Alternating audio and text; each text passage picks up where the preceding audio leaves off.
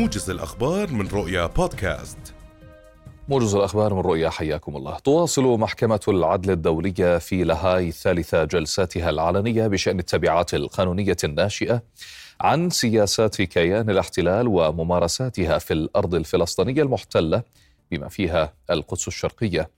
ومن المقرر أن تقدم اليوم كل من كولومبيا كوبا مصر الإمارات الولايات المتحدة الأمريكية روسيا وفرنسا وغامبيا وغوايانا هنغاريا إحاطاتها في جلستين علنيتين. وقال الفريق القانوني المصري في مرافعته إن الفلسطينيين يتعرضون منذ 75 عاما للتهجير والعقاب الجماعي. وأضاف الفريق أن الاحتلال ينتهك كافة القوانين الدولية من خلال حربه على قطاع غزة وأنه يمارس تطهيرا عرقيا في الأراضي الفلسطينية. وتأتي جلسات الاستماع في سياق طلب الجمعية العامة للأمم المتحدة الحصول على رأي استشاري من العدل الدولية حول آثار الاحتلال الإسرائيلي المتواصل منذ أكثر من 57 عاما. ارتكب الاحتلال الإسرائيلي 11 مجزرة جديدة في قطاع غزة خلال الساعات الأربع والعشرين الماضية. راح ضحيتها 118 شهيدا و163 إصابة. وبحسب وزارة الصحة في القطاع فإن العدوان المتواصل على غزة منذ 138 يوما أودى بحياة 29313 شهيدا إضافة إلى إصابة 69333 شخصا. وأضافت أن المئات ما زالوا تحت الركام ولا يمكن الوصول إليهم. من جهته ذكر مكتب الإعلام الحكومي في غزة أن سكان القطاع دخلوا مرحلة مجاعة حقيقية أدت إلى وفاة عدد من الفلسطينيين.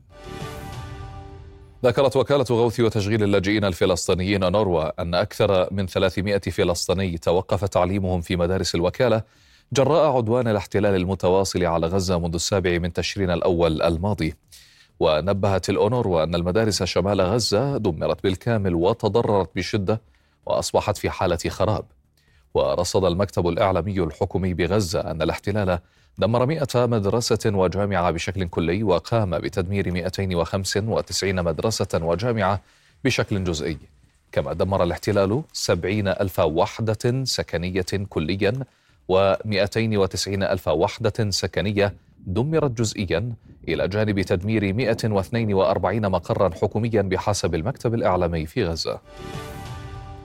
ذكرت صحيفة معاريف العبرية أن صفقة جديدة تلوح في الأفق تتضمن تأجيل العملية البرية في رفح إلى جانب وقف إطلاق النار بغزة خلال شهر رمضان وذلك مقابل الإفراج عن محتجزين لدى المقاومة. بدورها نشرت صحيفة هآرتس العبرية أنباء عن انفراجة محتملة في إمكانية التوصل لاتفاق يشمل صفقة تبادل ثانية.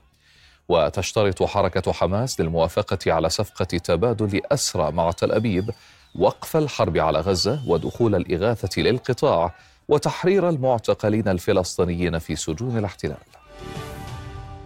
أفادت وسائل إعلام سورية باستشهاد ثلاثة أشخاص وإصابة آخرين في قصف للاحتلال الإسرائيلي استهدف بناية سكنية في منطقة كفر سوسة بالعاصمة دمشق. وشنت طائرات الاحتلال غارات من فوق أراضي الجولان السوري المحتل على الحي الجنوبي بالعاصمة دمشق وحاولت استهداف بعض المواقع في محيط العاصمة وتواترت في الآونة الأخيرة غارات الاحتلال على دمشق على دمشق وريفها مستهدفة بالخصوص عناصر إيرانية. أخيرا جددت قوات الاحتلال الإسرائيلي قصف بلدات عدة في جنوب لبنان. وبحسب مراسلة رؤيا فإن غارتين لقوات الاحتلال استهدفتا محيط بلدة مجدلزون جنوب لبنان.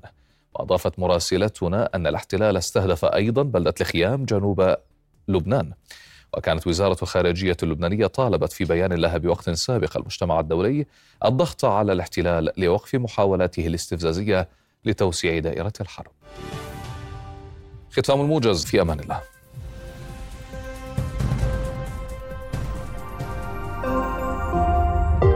رؤيا بودكاست